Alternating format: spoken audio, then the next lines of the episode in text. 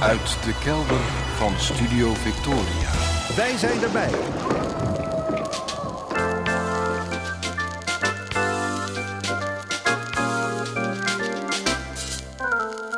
Archief Rijnmond. Oude plaatjes, curieuze opnamen, onbekende teksten en vergeten artiesten uit de regio Rijnmond. Uw archivaris Roland Vonk. Met aflevering 1193. Goedemorgen, goedemiddag, goedenavond. Afgelopen week ben ik voor een aangename verrassing komen te staan. Een verrassing met uiteindelijk ook een rafelrandje, maar toch. Het gebeurde toen ik weer eens op de weegschaal ging staan. Ik doe dat maar zelden. Ik weet toch wel dat ik te zwaar ben en ik heb de weegschaal niet nodig om te weten hoe ik me voel. Alleen de laatste maanden heb ik bij herhaling te horen gekregen dat ik er zo goed uitzie. En meermaals is me gevraagd of ik ben afgevallen. Nou, ik was me van geen kwaad bewust. Ik denk bij zulke min of meer complimenten al gauw. Maar je vergelijkt hoe ik er nu uitzie, misschien wel onbewust met hoe ik oogde toen ik op mijn zwaarst was, alweer even geleden. Het zal een jaar of 25 geleden zijn dat het misging. De somberheid die me altijd al overviel in de winter was niet meer te doen en in samenspraak met de huisarts ben ik begonnen met antidepressiva, die werkelijk geweldig hielpen. Alleen joegen ze mijn ja, al sluimerende vraatzucht nog verder aan. Ik ben toen in een jaar tijd 20 kilo aangekomen. Na meerdere wisselingen van medicijnen en gewichtsschommelingen toog ik een jaar of elf geleden met mijn nieuwe liefde naar de sportschool in een poging wat te doen aan mijn wat al te goede betrekkingen met de zwaartekracht. Als een soort nulmeting ging ik daar eerst maar eens op de weegschaal staan. Met een enigszins ontluisterend resultaat. De wijzer tikte op een paar ons na de 120 kilo aan. Mijn nieuwe liefde, inmiddels mijn vrouw, was verliefd geworden op een kerel van bijna 120 kilo. Dat moest wel echte liefde zijn. Samen moesten we ook lachen om de enigszins bezorgde vraag die een zus van haar aan haar stelde. En lig jij daar dan wel eens onder? Een paar keer per week gingen we naar de sportschool en toen we eenmaal samenwoonden, pasten we ons eetpatroon aan. Vlees, suiker en koolhydraten gingen zoveel mogelijk van het menu, waardoor ik iets van 10 kilo kwijtraakte en minder ging lijken op een confronterende foto van mezelf uit de jaren 90, waarop je een plofkop ziet met halverwege een klein brilletje dat de boel als een rolladedraad bij elkaar lijkt te houden. Maar ja, hoe gaan die dingen? We stopten met de sportschool en we gunden onszelf steeds vaker uitzonderingen op ons eetpatroon. Zonder op de weegschaal te hoeven staan, voelde ik dat er weer wat kilo's terugkwamen. Niet alles, maar toch. Afgelopen twee jaar ben ik door hartritmestoornissen en ernstige last van een knie ook minder gaan bewegen wat natuurlijk ook niet helpt. Hoe kon het dan dat mensen mij er het afgelopen half jaar zo goed vonden uitzien? Moesten ze massaal naar, Specsavers of Hans Anders? Nou ja, ik geef toe, er is wel een keer een moment van inzicht voorbijgekomen. Bij een lopend buffet. Mijn getergde hart maakte een sprongetje van vreugde toen ik na de rouwkost een enorme schaal patat zag bij het buffet, plus allemaal gegrild vlees en een hele batterij sauzen. Ik schepte ruim op en begroef alles onder de saus. Enigszins koortsachtig schrokte ik dit eerste bord naar binnen, in gedachten al bij het tweede bord, dat ik inderdaad ben gaan opscheppen, met meer van hetzelfde. Maar toen gebeurde het. Het ging me tegenstaan. Al na een paar happen dacht ik: wat zit ik eigenlijk te doen? Ik dacht aan mijn hart, aan mijn knie en aan de ongunstige gezondheidsstatistieken waarin je jezelf naar binnen vreet. Luid en duidelijk drong zich het inzicht aan me op: het is het niet waard. Dat leek mij een inzicht om vast te houden, om bijna als een, ja, als een soort mantra te blijven herhalen. Het is het niet waard. Van de week ging ik dus na positieve opmerkingen van anderen toch maar weer eens op de weegschaal staan. Had ik dat nieuw verworven inzicht al omgezet in daden? Zou ik terug zijn naar de 110? Ik wist het niet zo goed. En toen zag ik de teller van de weegschaal tot mijn grote ongeloof stilhouden bij de 104. Was dat ding kapot? Of was er echt opeens zeker 6 kilo zoek geraakt? Of zelfs 7, want twee dagen later tikte ik de 103 aan. Ik vertelde over het mysterie van de verdwenen kilo's aan mijn vrouw, die geestelijk meestal bovenop ligt. Aan de weegschaal twijfelde ze niet. Wel had ze een kanttekening. Koeltjes reageerde ze met: Ja, je pens is minder. Maar op onze leeftijd krijg je natuurlijk ook te maken met spierverlies, hè? Oh ja.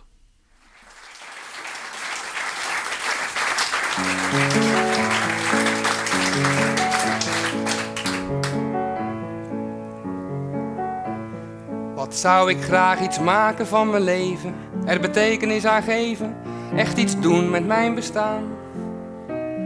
Nou, dat heb ik maar op mijn buik geschreven, er is geen beginnen aan. Ik wil mijn tijd benutten, maar ik zou niet weten hoe. Omdat dit lijf mij altijd tegenwerkt bij alles wat ik doe. Het krijgt het koud, raakt buiten adem, het wordt hongerig of moe. En ik kom op zo'n manier als nergens anders meer aan toe. Ik word voortdurend in de weg gezeten door dit lijf dat steeds moet eten, net wanneer ik bezig ben. Het gaat ook altijd reutelen en zweten als ik twee minuten ren. Dan blijkt als het een uurtje heeft gelegen en dit lijf is uitgehegen, hun gewrichten zijn ontzet. Ik wil wel, maar dit lijf kan nergens tegen en moet steeds naar het toilet. Ik voel me lelijk opgezadeld met een lijf als dit. Die natte jas die veel te dun is en die nergens lekker zit. Die slecht gevoerd is en omdat het aan één stuk is vastgekit, nooit meer uitgetrokken worden kan. Behalve het gebit. Die zak vol darmen vol met wat daar binnen in het donker rot. Die weken biobak vol tandbederfontsteking en een snot van met Achillespezen slordig bij elkaar gehouden bot. Bij het minst of geringste gaat het pokkerding kapot. Hoe willen nou mijn vingers met z'n vijven, als ze alle vijf verstijven, dat ik wanten voor ze brei? Het is hopeloos, het zal behelpen blijven met dat klerenlijf van mij. Dit lijf weet al mijn plannen dwars te bomen. Er is niets terechtgekomen van de dromen die ik had. Wat zou ik anders hebben ondernomen? Want ideeën heb ik zat. Met waardeloos gereedschap brouwt een vakman er tenslotte ook geen zak van, al spant hij zich nog zo in. Dus wat heeft met zo'n zwakke gammelbrak dan al mijn zwoegen nog voor zin?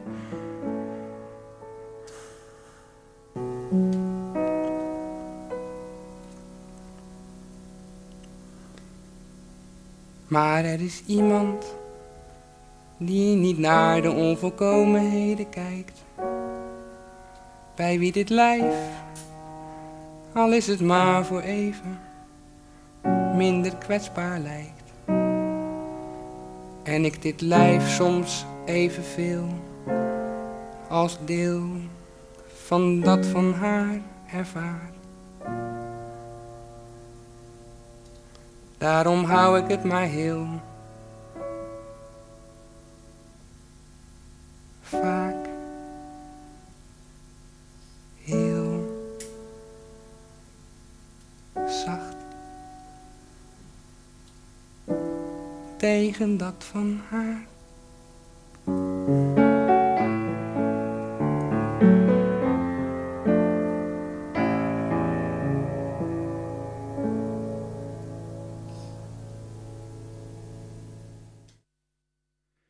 En dat was weer eens Kees Torren, cabaretier Kees Torren aan het begin van Archief Rijmond. Kees Torren uit Rotterdam, Maasluis, tien jaar geleden gestopt met zijn solo-programma's in het theater. Maar in de twintig jaar daarvoor heeft hij heel wat meesterwerkjes de wereld ingestuurd, waaronder het lied Dit Lijf, dat in 1996 in zijn tweede programma zat. Ja, inmiddels leidt Kees een wat teruggetrokken bestaan in Voorburg met zijn vriendin, de vriendin uit dit lied. Zoals u laatst ook kon zien in de documentaire over hem die op tv werd uitgezonden. Een documentaire met als treffende titel Het langzame leven van Kees Storn. Kees is inmiddels 55. Het zou mooi zijn ja, als hij in elk geval weer eens wat liedjes maakte over de fase van het leven waarin hij nu is beland. Voor de Rotterdamse zangeres aan wie ik hierna uitgebreid aandacht ga besteden, zit het artistieke bestaan er ja, toch wel zo'n beetje op. Dat mag ik geloof ik wel zeggen. Ze wordt dit jaar 83, woont in een complex met andere ouderen in Spijkenisse, loopt niet zo best meer. En ondanks het feit dat ze twee LP's en drie singeltjes heeft gemaakt met jazz en Zuid-Amerikaans repertoire en voor Nederland heeft deelgenomen aan een prestigieus songfestival van Waleer, kent de gemiddelde Radio Rijnmond luisteraar haar denk ik niet. Sarah Teixeira. In het komende half uurtje kunt u haar leren kennen in een gesprek dat ik laatst met haar heb gehad. Een gesprek dat ik omlijst met allemaal muziek van haar, van Sarah Teixeira.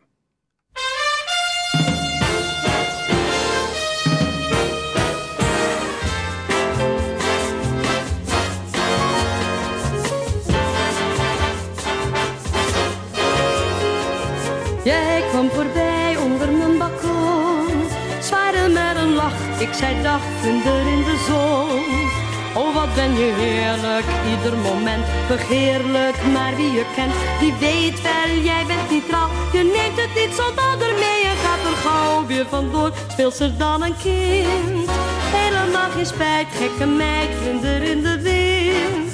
Jij wilt je niet binden, je te vroeg. En vrienden heb je genoeg. Ik zie wel hoe je lacht, maar ik krijg je nog wel wacht. Maar eens op een dag helpt er geen verzet. Dan is het voorbij, dan ben jij vlinder in mijn net. Zal je niet berouwen, vast niet als wij gaan trouwen. Volgend jaar mei, de tijd van de vlinders in de zon. Sarah Teixeira. Ja, Chrétien of Teixeira Chrétien of Teixeira, ik mag kiezen, want Chrétien is je meisjesnaam. is mijn meisjesnaam en Teixeira is mijn mansnaam. Ja. Ik had nooit van je gehoord, dacht ik, tot een jaar of twee geleden. Toen ontmoette ik je op een soort feestje van een Rotterdamse muzikant. En die had mij van tevoren gezegd, ja, er komt ook een Rotterdamse zangeres... Ja, die heel lang in Brazilië heeft gewoond en gewerkt. ja. En hij noemde toen je naam, Sarah Teixeira. En dacht ik, daar heb ik toch een singeltje van thuis liggen. ja. En eh, nou, dat was inderdaad een singeltje in het Nederlands... dat jij in 1968 hebt gemaakt. Precies op het Knokkenfestival. Ja. Ja. Jij kwam voorbij onder mijn balkon, zwaaide met een lach. Ik zei dag, vlinder in de zon. Oh, wat ben je heerlijk, ieder moment begeerlijk. Maar wie je kent, die weet wel, jij bent niet trouw. Je neemt het niet zonder ermee en gaat er gauw weer vandoor. Speelt ze dan een kind? Eh, impresario, dat was eh, Lou, Lou van Rees. Die had me uitgenodigd. Ik had vroeger met Lou in Europa gewerkt. Met mijn orkest, de Modern Tropical Quintet. In eh, Duitsland en eh, zeg maar alle, nacht, nachtleven van Europa. Spanje, Italië, eh, Noorwegen, Denemarken, België, alles. En bijna alles. Alleen het ijzeren gordijn natuurlijk niet. Hè? Dat kon toen de tijd niet. En eh, ja, Ja, je begint nu eigenlijk al eh, meteen aan een heel verhaal waarvan luisteraars Ja. misschien al denken van waar gaat dit eigenlijk over? ja, ja, ja. oké. Eh, eh, misschien dan eventjes bij het begin beginnen en dan werken we langzaam toe naar dat grammofoonplaatje. Ja, ik stel de antwoorden. dan werken we langzaam toe naar dat singeltje van 1968 met Ja. aan de ene kant Vlinder Ja. en aan de andere kant Invitation. Ja. You weren't your smile, oh the strange Somehow it seems we shared our dreams, but we're time after time in a room full of strangers. Out of the blue. Suddenly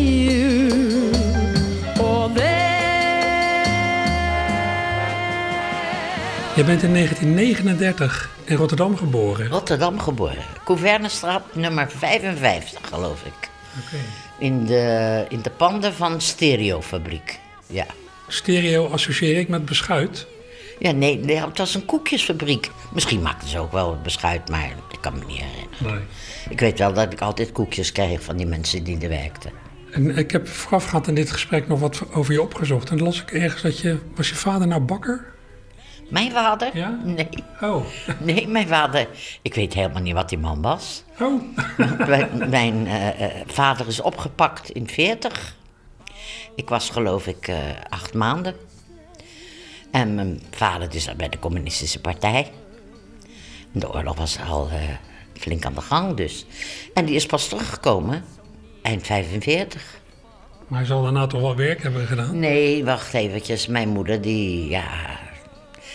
Ze zei, ik, hou niet meer van je. Dus ze is gewoon, ze heeft de twee kinderen opgepakt. Dus ze is weggegaan.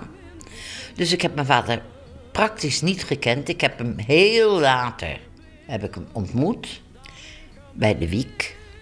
De Millers. Ja. En daar werkte ik ook. Aan, aan de Westblaak. Ja, precies. Daar eh, zat een eh, uitgaansgelegenheid. Die werd bestierd door Ab de Molenaar en de andere mannen van de Millers. Studie- Studie Miller. Ja.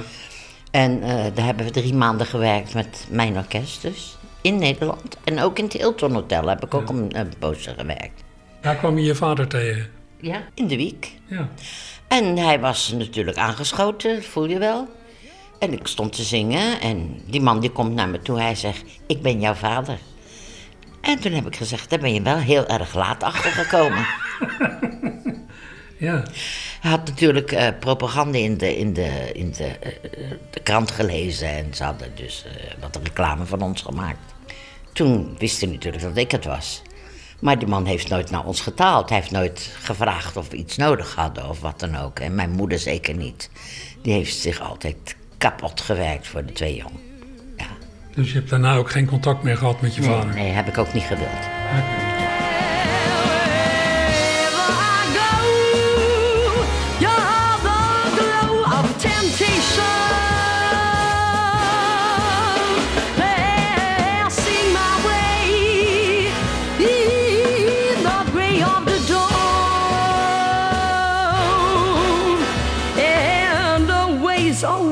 Always, your eyes hold that strange invitation. Then you are gone. Where, oh, where, where have you gone? Ik las ook ergens dat je al op je vijftiende of zestiende of zo het huis uitging. Ja, 16 jaar. Ik ging het huis uit, maar met vreselijk veel verdriet voor mijn moeder. Maar ja, ik kon dat niet aanzien, dat dat mensen allemaal alleen maar werkten en wij. Ik heb wel een beetje gewerkt in kapsalon en zo en eh, een paar kapsalons in Rotterdam. Maar ja, je verdient zo verschrikkelijk weinig en er was geen geld. En ik sprak behoorlijk Engels, dat had ik mezelf al aangeleerd. En een beetje Duits en een beetje dit en een beetje dat. Ik was een beetje... En ik heb dus een, een baantje gesolliciteerd in Spanje en toen ben ik weggegaan. En ik was geaccepteerd als hostess. Gelijk weg. En ik gelijk geld naar moeder gestuurd toen ik verdiend had natuurlijk. Maar wat deed je dan als hostess? Ja, mensen inchecken, zeg maar. Maar Nederlandse vakantiegangers? Of- Nou, niet alleen Nederlanders. eh, Meer, meer Amerikanen was het daar, ja. ja. Ik geloof dat ik een jaar alles bij elkaar gedaan heb. Oké. Toen ben ik hier teruggekomen. Heb ik mijn man leren kennen. Was ik 19 jaar. Ik heb Eddie leren kennen op de Oude Binnenweg. Nou, ik, leer, ik heb hem niet leren kennen daar. Ik heb hem daar gezien. Het was in 8 of 59 of zo, zoiets, hè? Ja, eind 58 dacht ik, ja. Een salon aan de Oude Binnenweg. Ja, ijssalon, hoe weet je dat? Ja, ik, heb mijn, mijn- ik heb mijn bronnen. Oh jee, ja, een ijssalon. Ik, ik, was, ik kwam uit Mallorca en ik was met een vriendin en we gingen winkelen over de binnenweg naar de CNA en weet ik het allemaal. Daar heb je een ijssalon in Venetië, heet die. Zit er nog? Oké. En in, in- staat daar een hoop mensen en er st- staat één man met een met een ijsje in zijn mond. En die keek naar mij en laat zijn ijsje zo uit zijn mond vallen. Echt hoor. Want ik was bruin gebrand van Spanje natuurlijk. En Zijn bek viel open. een paar dagen daarna zegt diezelfde vriendin wat tegen mij. Ze zegt, Sarah, ik ga verloven met die en die. Ik zei, oh, wat leuk. Ja, we hebben een feestje. We, tenminste, mijn moeder met een een kleine groepje. En we gaan allemaal naar de Plaza Bar, want dat is een leuke band. Ik zei, oh, wat leuk. Waar zat de Plaza Bar? Op de Schavendijkwal. Het was een hele, hele, hele mooie bar, was dat. Eh, oh, wat leuk. Ze zei, je bent uitgenodigd. Ik zei, nou, ja, met de familie. Ja, maar je bent uitgenodigd. Oké, dus we gaan. En wie staat er achter de toomba? En drums? Mijn man, Edgar Teixeira. En ik werd uitgenodigd voor een kopje koffie de volgende dag. Dus oké, en toen ben ik gegaan. Was liefde op het eerste gezicht. We zijn bijna 50 jaar getrouwd geweest. En toen is Eddie overleden. Aan een hersenbloeding. Hij is in 2008 overleden, geloof ik. Hè? You do something to me, something that simply mystifies me. Tell me, why should it be you have the power to hypnotize me? Let me live neath your spell. Do do that, do that. You do so well, cause En hij was een Braziliaan. Helemaal echte Braziliaan. Ja, van Portugese afkomst natuurlijk. Portugees en Italiaans. Oké. De verkering ging aan. Ja, het ging aan en we zijn getrouwd hier eh, in, in eh, Rotterdam. Op het stadhuis. Zijn we nog vier jaar in Europa, hebben we nog rondgereisd. Ik ben dus in de band gegaan. Ja, dat, dat las ik ook ergens. Ja, Hij, hij trad natuurlijk op met een band. ja. Met een andere band. Met een andere band. Elda Maida. Elda Maida. Elda Maya. Ja, zij zij is al gestorven, ze is al overleden. Haar man ook. Maar toen, zij wilde toen terug naar Amerika, want ze was half Amerikaanse, Argentijnse, een beetje een hoop dingen door elkaar. Ze wilde terug naar Amerika, dus ze is gestopt met de band. Toen was Eddie zonder werk, ook onze gitarist en de pianist. Die waren zonder werk. Dus gauw zoeken, gauw zoeken, gauw zoeken. Hebben ze een, een vriendinnetje van de gitarist als zangeres neergezet. Maar dat, dat lukte niet. En nou ja, toen ben ik erin gegaan. Ja. Want, eh, Waar kwam dat dan vandaan? Want had je wel vaker gezongen? ja, natuurlijk, maar niet met hun. Nee, nee. Niet met hun, nee. Ik had vaker gezongen, bijvoorbeeld, eh, ja, met een paar andere jongens. Pietje Noordijk toen de tijd, ook nog andere muzici. Ja, ik, Maar dit is wel even een, een stap van zo af en toe leuk ergens zingen naar echt vast bij een band en daar je bestaan van en maken. veertien dagen daarna als prof. Ja. Maar ja, dat komt, kijk, wij woonden in Denemarken. Toen hadden ze een show in Denemarken. Die jongens waren allemaal, hadden allemaal een kamer. Maar als er gerepeteerd werd, dan was het bij mij, in mijn kamer met mijn man. Dus dat, dat ging natuurlijk de hele dag door. En dat- ik heb een goed gehoor, dus. Nu niet meer, maar Nou vroeger ja. wel. ja. Maar als ik bijvoorbeeld dat eerste singeltje van je luister, Ja, dan hoor ik een heel behoorlijk goede zangeres. Ja vind je het leuk? Ja, ja. Oké, oké, goed. Het is heel muzikaal. Ja, zeker. En het is moeilijk. Ook het is geen echt, zeker de vlinder niet, geen dansmuziek. Een vijf vierde maat kun je niet op dansen. Nee, maar er zitten ook allemaal intervallen in. Er kan heel veel in misgaan. Ja, ja zeker. Ja, ja, ja. Want je had helemaal geen muzikale opleiding gehad. Helemaal niet. Tot heden nog niet. Nee. Nee, nee, absoluut. Gaat ik er heb niet meer voorkomen, denk ik. alles bij het oortje, zeg ik. hè. Ja, ja. Jij kwam voorbij onder mijn balkon, zwaaide met een lach. Ik zei dag, vlinder in de zon. Oh, wat ben je heerlijk, ieder moment begeerlijk. Maar wie je kent, die weet wel, jij bent niet trouw. Je neemt het niet zonder mee en gaat gauw weer vandoor. Speelt ze dan een kind, helemaal geen spijt. Gekke meid, vlinder in de wind.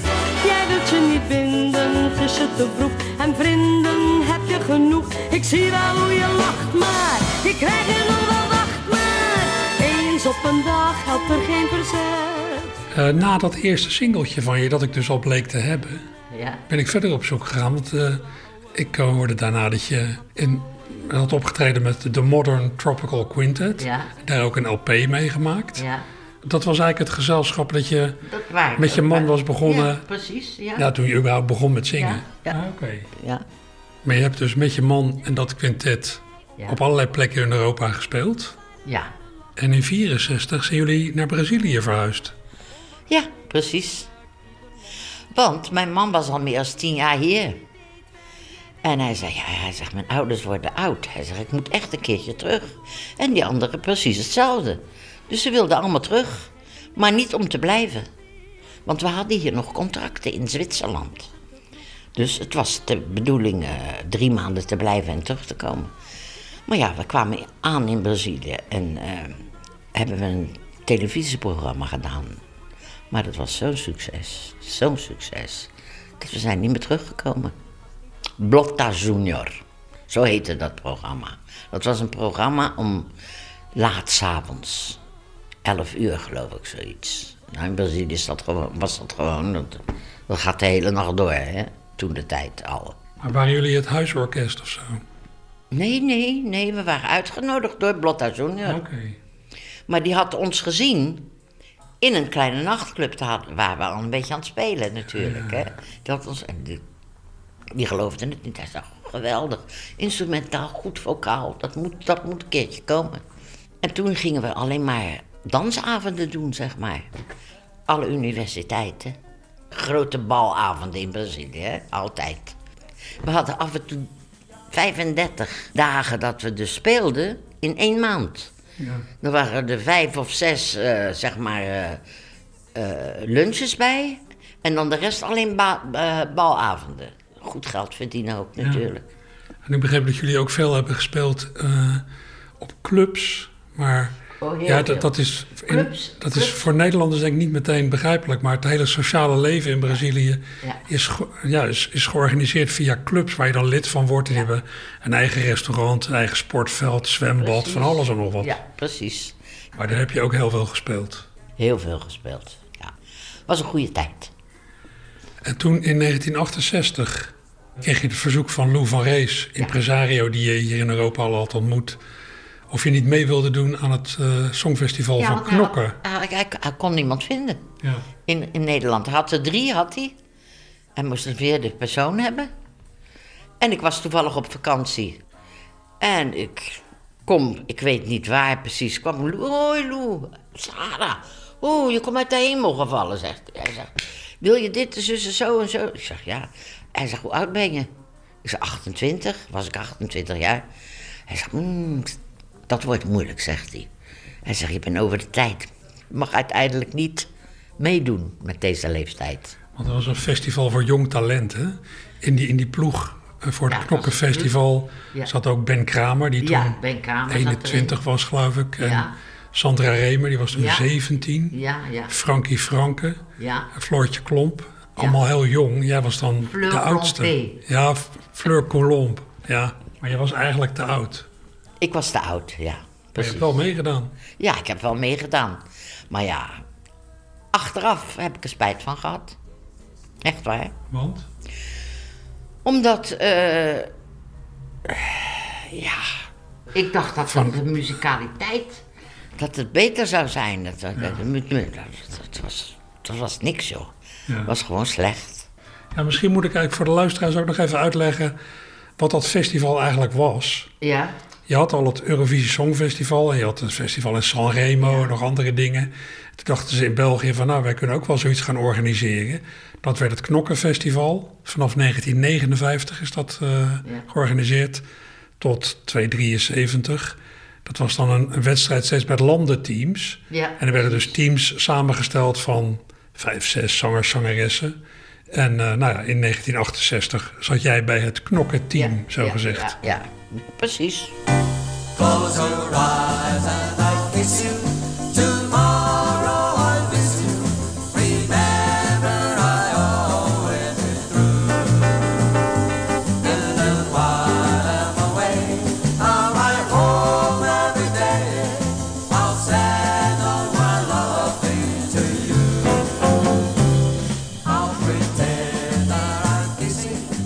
Enige was dat ook, eh Lou die kwam een keer dat was, was al afgelopen, was de volgende dag. Hij zegt, Sarah, eh, de Philips gelooft dat hij iets met je wil doen. Dat ze een plaat met je willen maken. Ja. Ik zeg, "Ja, f- geweldig. En gelijk de andere dag zegt die gaat niet door. Ik zeg, hoe komt het dan ineens? Hij zegt, ja, er is iemand geweest en die heeft gezegd, als hij komt, dan ga ik weg. En de Philips, ja, zij is een vaste platenverkoopster. Dus het gaat niet En dat was Rita Reis. Ja. Nou ja, jullie stemmen lijken ook wel een beetje op elkaar. Ja? Zeker in het jazzgenre. Ja, nou, ik weet het niet. Ja, misschien wel. Nou ja. Maakt niet uit. Nou ja, het was, het, was natuurlijk ook een, een, eigenlijk een raar uitstapje. Want je zat in Brazilië, je kwam even terug voor dat festival. Ja, ja. En ja, had je nou gerekend op een carrière hier in Nederland of Europa? Nou, nee, dat niet. Ik had toch niet teruggekomen. Nee. Nee, zeker die tijd niet. Nou, je verdiende daar veel beter. Ja, En vond je ook gewoon het leven daar prettiger? ja, ja. Zo, ja, veel prettiger natuurlijk. Noem eens wat. Ja. Ja, de mensen. Zeker de mensen. Eh, de Nederlander is ontzettend eh, gesloten. Ik ben nu bijna twee jaar hier. Ik heb nog geen kennis, ik heb nog geen vrienden. Ja. Ik zit hier met een huis met helemaal vol met mensen. Ik kan niet met, hem- met ze praten hier. Hmm. Ik kan niet met ze praten. Het is goedemorgen, goedemiddag en afgelopen. En ze hebben hier een ruimte waar ze dus... eh, Ja, ik zag het. Ze hebben Ja, hier en een, gaan aardige conversatieruimte. ja, maar- maar dan gaan ze feestjes maken. En dan is het... ah. Dat hoeft, dat hoeft voor mij niet. Nee. Nee. Ik wil echte muziek horen. Geen, eh, geen stampen, weet je. Grip your coat and get your head. Leave your worries on the doorstep. Just direct your feet to the sunny side of the street.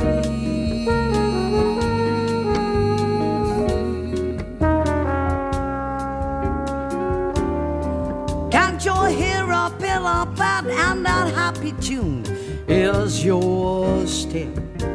A life can't be so sweet on the sunny side of the street. I used to walk in the shade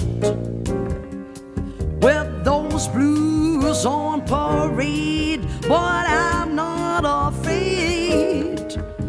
This rover crossed over if I never have.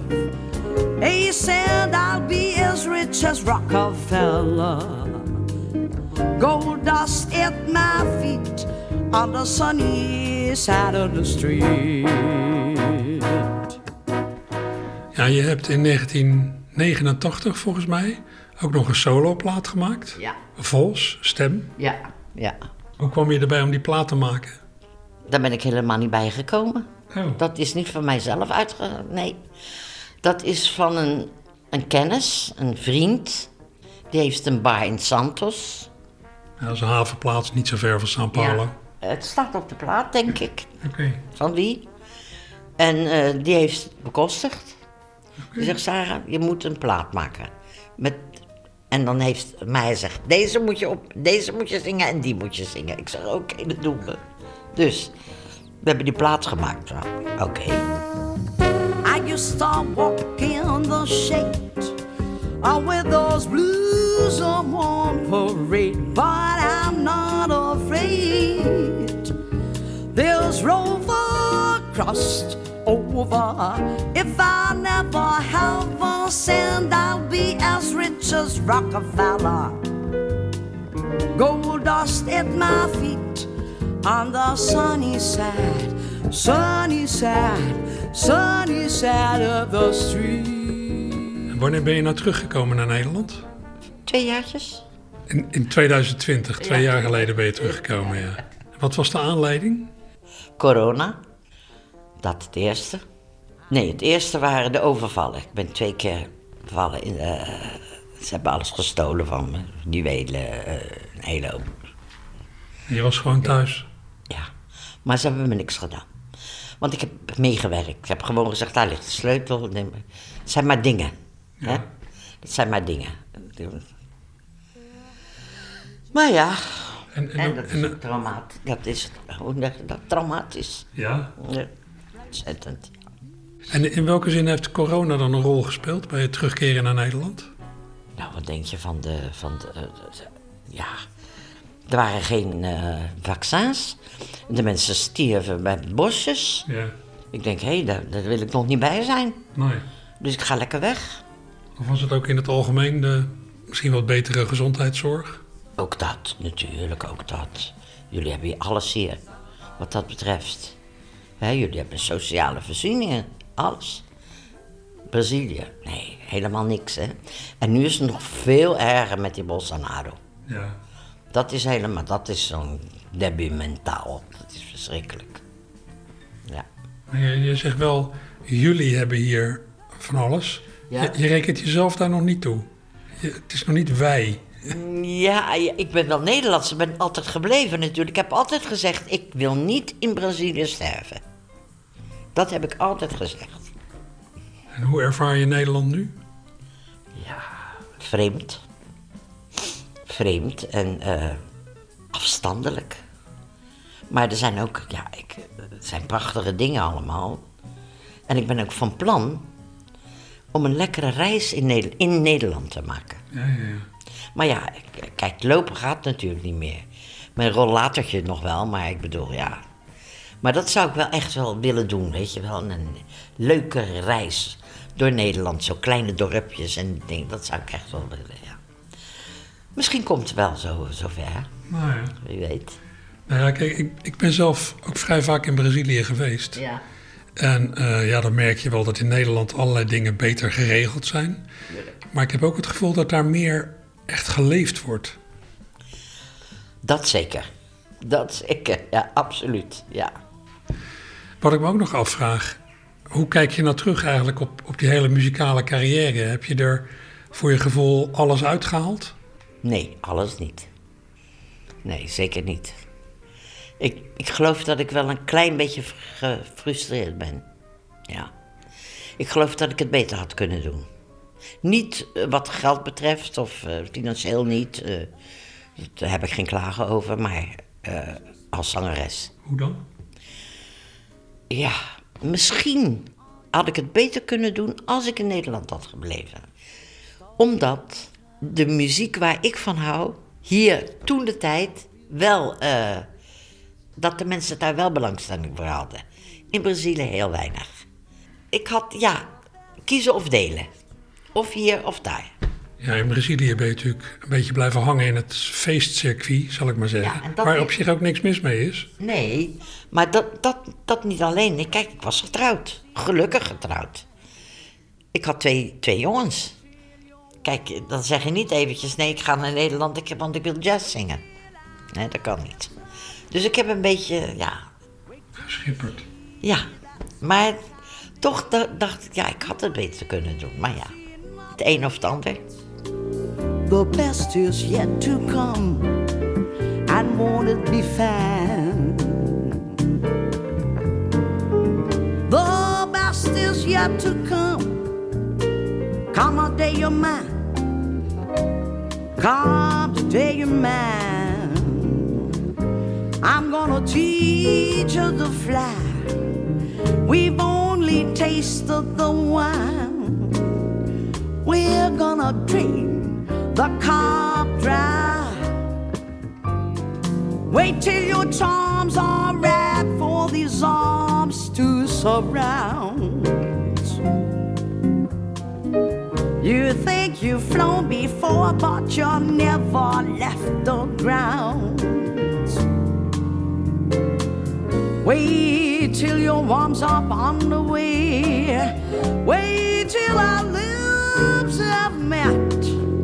Wait till you see that sunshine day. You ain't seen nothing yet.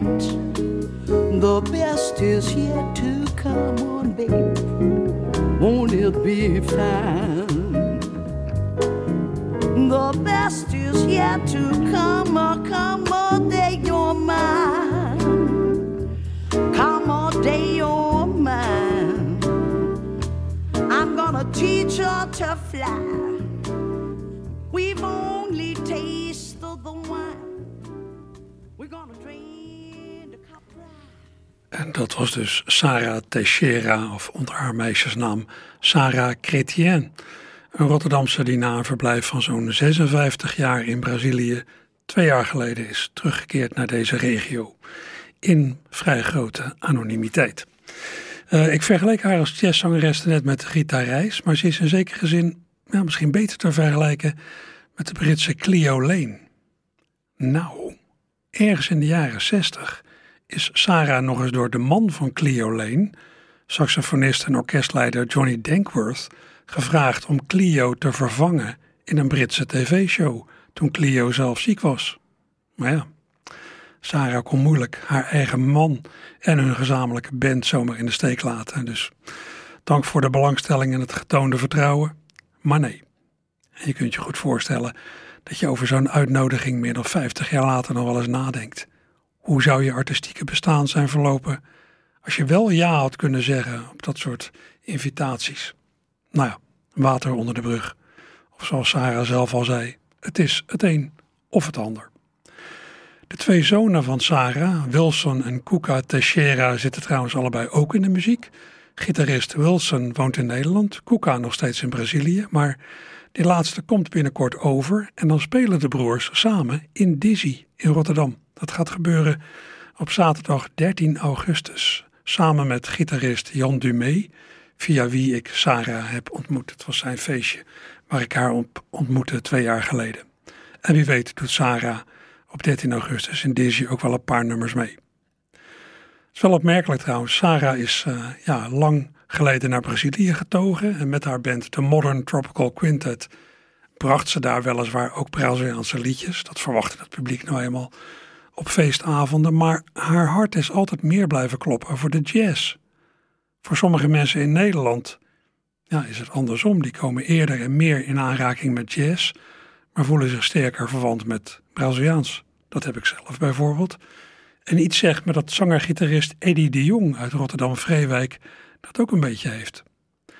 Toen corona twee jaar geleden om zich heen greep, zag hij opeens al zijn optredens wegvallen. Hij is toen filmpjes gaan maken met eigen liedjes. Onder meer ja, eigen liedjes over het leven in tijden van corona. Zoals deze Bossa, die ik vorig jaar bij hem thuis ben wezen opnemen.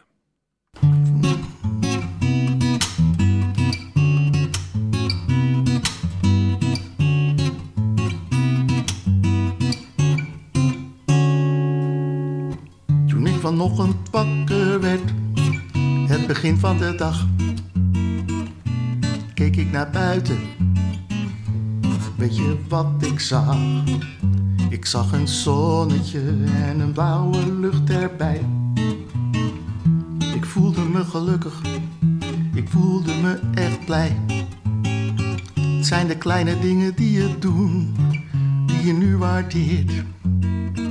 Dat is wat zo'n virus doet, heeft de crisis mij geleerd. Zijn niet onsterfelijk en je weet ook niet hoe lang. Hoe lang je eigen leven duurt, het gaat gewoon zijn gang.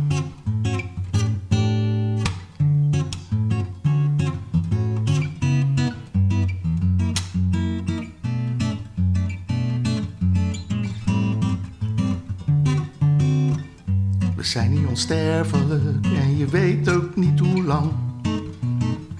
Hoe lang je eigen leven duurt, het gaat gewoon zijn gang. Gewoon zijn gang gewoon zijn gang. Dus wees niet bang.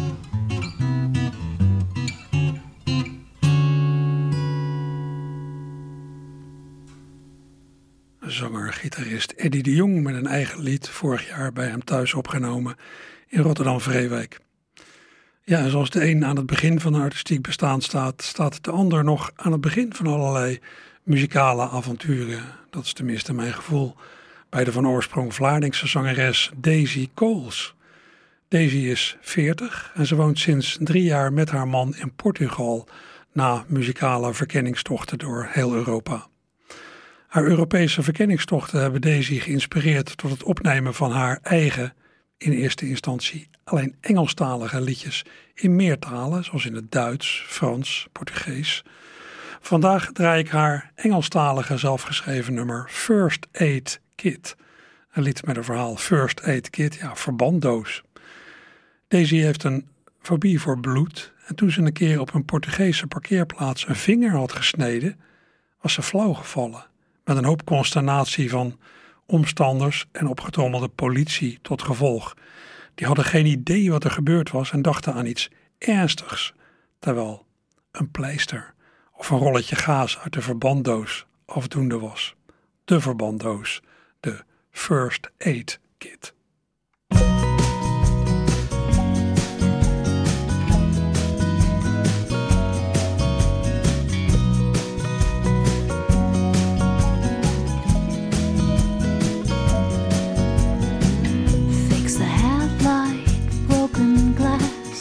Sweet afternoon light innocent like a paper it up, drop of blood.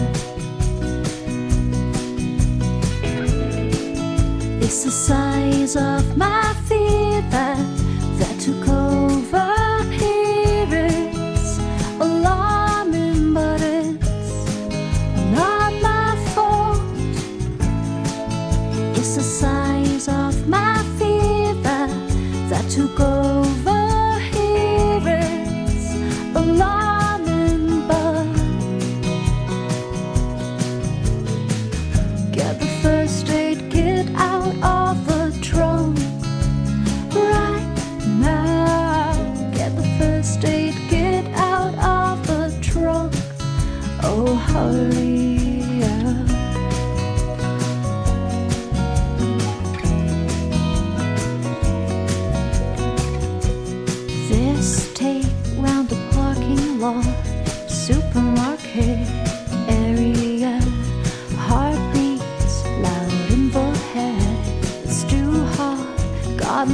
você.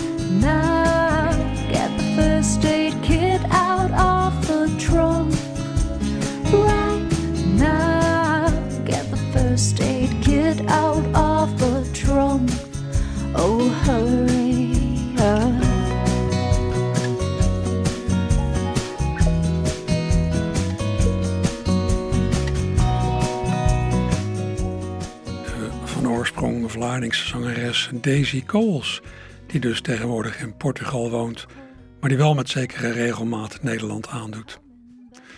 Ehm, ik heb nog tijd voor één kort dingetje en dat wordt iets van de Bullfight, Rotterdamse band rond Thomas van Vliet en Nick Verhoeven.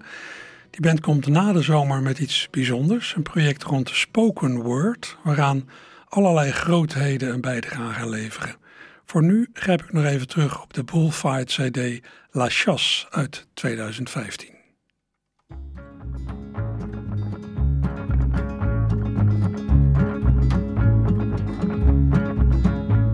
Your problem is you want no why for fear of work and compromise, for fear of someone witnessing the wasting of your life. Your problem is you want no kids to wake you up at night, sounds have died. And this is where your problem lies.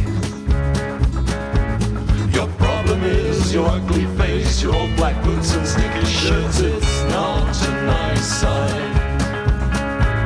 Your problem is the way you think it smells of fear and commonplace. It rots the way that standing water does. And last of all, best of all, your biggest problem is you don't know her name.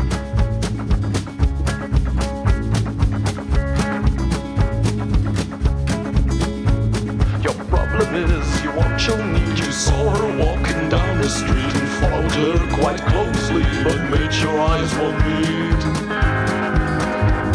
You really think being ignored is what a girl is looking for? That one day she'll cry out, can't take it anymore. Oh, is this what you're looking for? Your problem is the last race of the rent was in December 1982. Problem is that bitterness has soaked the walls and window panes and rots away way that standing water does. And best of all, last of all, your biggest problem is you don't know her name.